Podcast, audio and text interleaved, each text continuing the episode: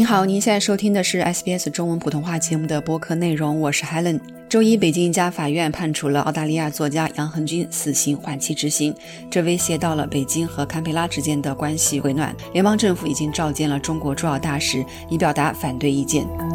这一判决是在中国被拘留五年、因间谍罪被秘密审判三年后做出的，令他的家人和支持者们感到震惊。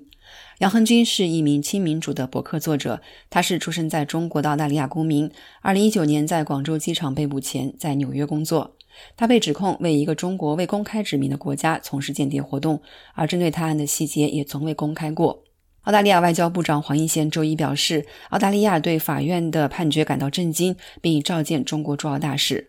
黄英贤在周一份声明中说：“澳大利亚政府的理解是，如果此人在两年内没有犯下任何严重罪行，其刑期可以在两年后减为终身监禁。”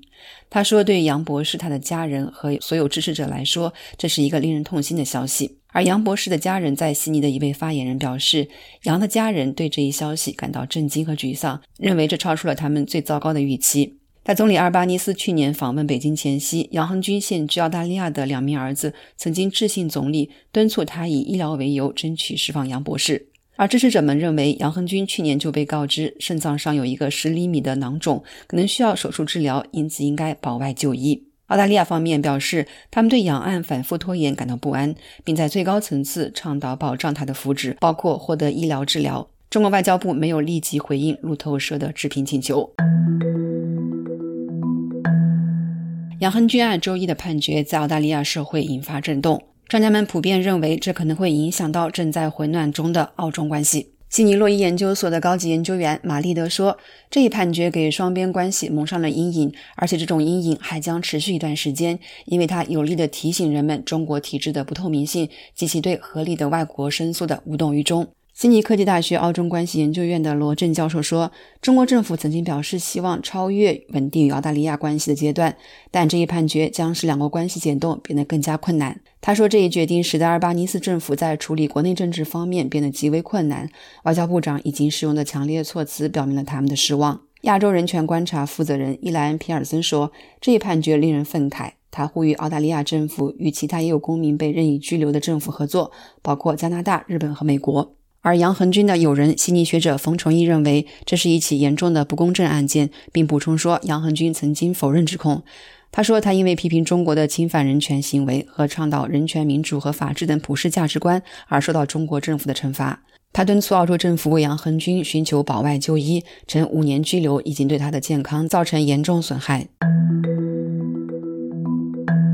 北京一家法院在二零二一年五月秘密审理了杨恒军一案，该案从未公开披露。杨恒军否认为澳大利亚或美国从事间谍活动。他在狱中写给家人和支持者的信中否认自己有任何不当行为。作为一名知名博主，杨恒军撰写了有关中国和美国政治的文章。在二零一九年，他以哥伦比亚大学访问学者的身份居住在纽约，通过为寻找美国产品的中国消费者做代购来补贴收入。在二零一九年一月，他在妻子陪同下访问中国时被捕。二零一一年，杨恒军曾因涉嫌与网络民主活动分子有联系，而在中国被短期拘留过一次。在澳大利亚政府的干预下，他在几天后获释。冯崇义告诉路透社，当时杨恒军写信给冯崇义说，他从一九八九年开始为中国国家安全部工作了十年，包括在香港和华盛顿，之后辞职移居澳大利亚。杨恒军在一九九九年移民澳大利亚，二零零二年成为澳大利亚公民。二零零六年在悉尼科技大学攻读博士学位，而当时冯崇玉是他的导师。在接下来的四年里，杨恒军撰写了间谍小说，并在台湾出版，讲述了一名也姓杨的双面间谍的故事。二零一九年，澳中关系恶化之际，杨恒军被拘留，但在阿尔巴尼斯去年访华前不久，澳籍主持人陈雷获释，这一度给杨恒军的获释带来了希望。以上为 SBS 中文普通话节目编译自路透社报道的播客内容。欢迎在苹果播客或 Spotify 订阅 SBS 的中文播客内容。我是记者 Helen，感谢您的收听。